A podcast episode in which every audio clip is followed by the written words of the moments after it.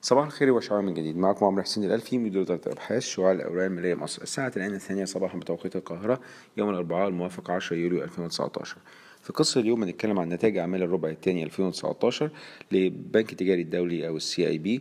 أكبر سهم كوزن نسبي في مؤشر EGX 30 ولكن قبل ما نتكلم عن نتائج أعمال الـ CIB أحب أشير للخبر اللي تم الإعلان عنه في يوم الثلاثاء عن شركة أوراسكوم للاستثمار القبضة.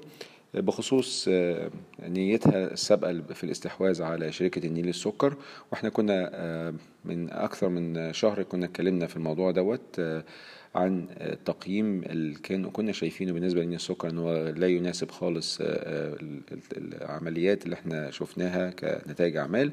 وبالتالي كنا شايفين إن استحواذ أوراسكوم للاستثمار القبض على النيل السكر يعتبر حاجة سلبية.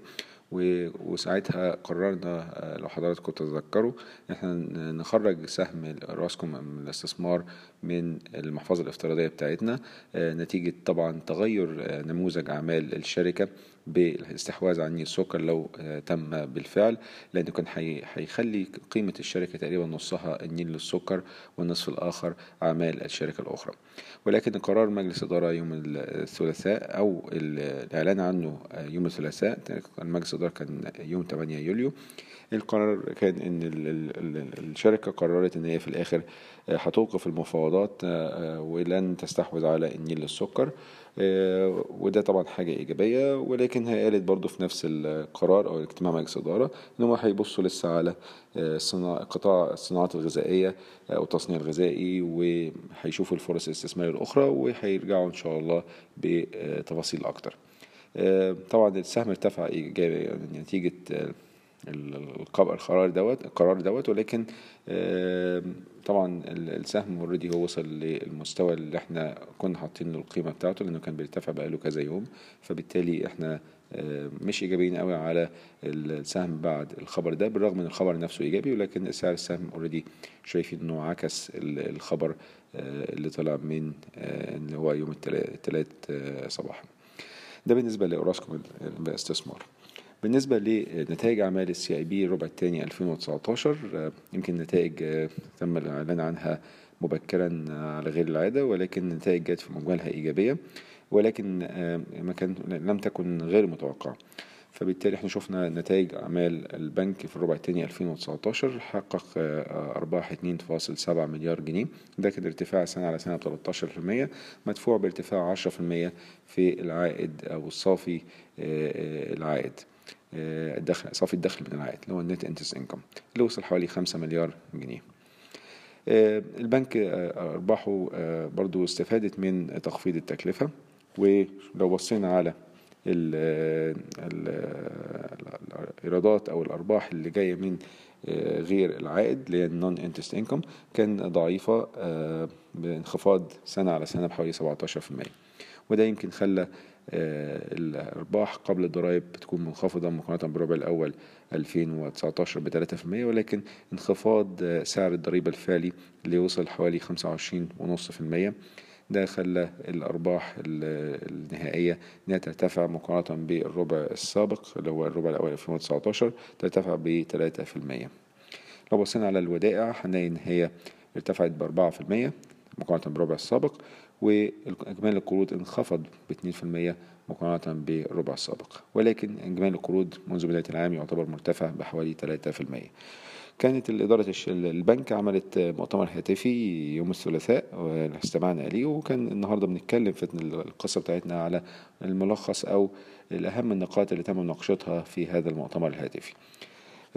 اخترنا منها كذا نقطة. أول نقطة إن طبعا زي ما إحنا عارفين إن الجنيه كان مرتفع قصاد الدولار في النصف الأول من العام وشفنا إن الجنيه ارتفع بحوالي 7 8% ده الحقيقة السبب اللي الإدارة قالت عليه إن خلت إجمالي القروض في البنك تنخفض وده نتيجة ارتفاع الجنيه قصاد الدولار لأن كان هناك قروض بالعملة الأجنبية طبعا لما نيجي نقيمها بالجنيه بتبقى أرقامها أقل وبالتالي خلى إجمالي القروض نشوف إن هو منخفض مقارنة بالربع الأول 2019 ولكن الإدارة بتتوقع ارتفاع معدل الإقراض بالنسبة للعملات الأجنبية بحوالي 4 ل 5% على 2019 بالكامل مقارنة ب 2018 أما بالنسبة للإقراض بالعملة المحلية الإدارة شايفة أنه هيبقى في توقعات بالنمو من حوالي يعني منتصف ال 15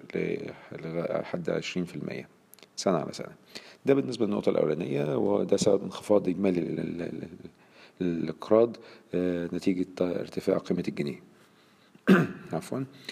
بالنسبة للأرباح طبعا عندنا النم أو هامش صافي العائد أهم حاجة فيه اللي بتساعد على ارتفاعه هو الحقيقة إن تكلفة التمويل بتقل. البنك يمكن بالرغم من الودائع ارتفعت مقارنة ببداية السنة حوالي ارتفعت حوالي سبعة في المية وإن الإدارة شايفة إن توقعات الودائع هتزيد في السنة 2019 كلها بحوالي 20% مقارنة ب 2018 لكن التركيز هيكون على ودائع قصيرة الأجل وده هي طبعا مهم جدا لأن مع توقعات انخفاض الفايدة في الفترة القادمة طبعا تكلفة الودائع هتقل معاها فبالتالي البنك البنك بيحاول ي shift الودائع بتاعته للمدى القصير وده يمكن اتاكد وشفناه إن القروض اللي هي بنسميها كاسا ال current account وال savings accounts وصلت لاكثر من 60% كخليط بالنسبة للودائع بتاعة البنك. الإدارة بتتوقع أن الودائع في النص الأول 2019 إن شاء الله في خلال 2000 النصف الثاني إن هتبتدي تجيب نتائج أكتر إيجابية ونشوف انخفاض في تكلفة الودائع وده هيساعد طبعا إن هي إن البنك يحقق صافي الهامش صافي العائد المتوقع. بالنسبة لثالث نقطة يمكن ال fees وال commissions والعمولات ضافت في الربع الثاني وكان ده برضو حصل شفناه في الربع الأول.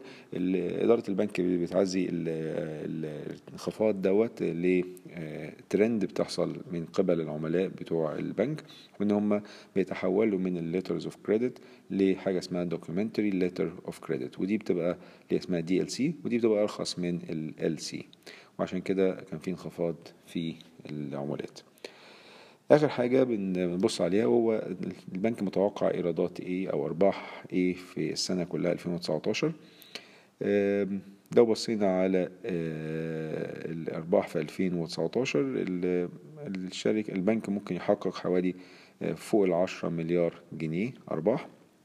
الإدارة بتتوقع أو كانت في السابق بتتوقع ما بين 20 ل 25% معدل نمو للسنة.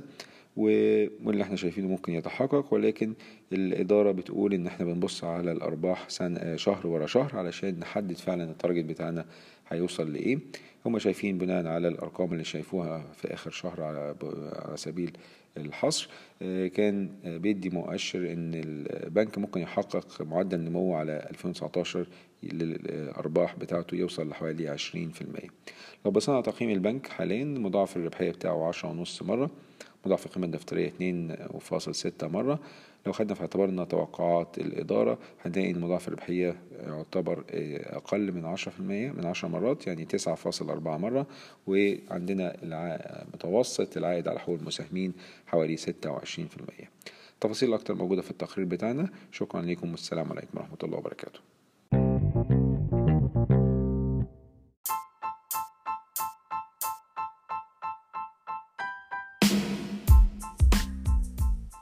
إن هذا الملخص الصوتي هو لأغراض المعرفة فقط ولا يمكن اعتباره عرض شراء أو بيع أو إدارة استثمارات أو خدمات استشارية.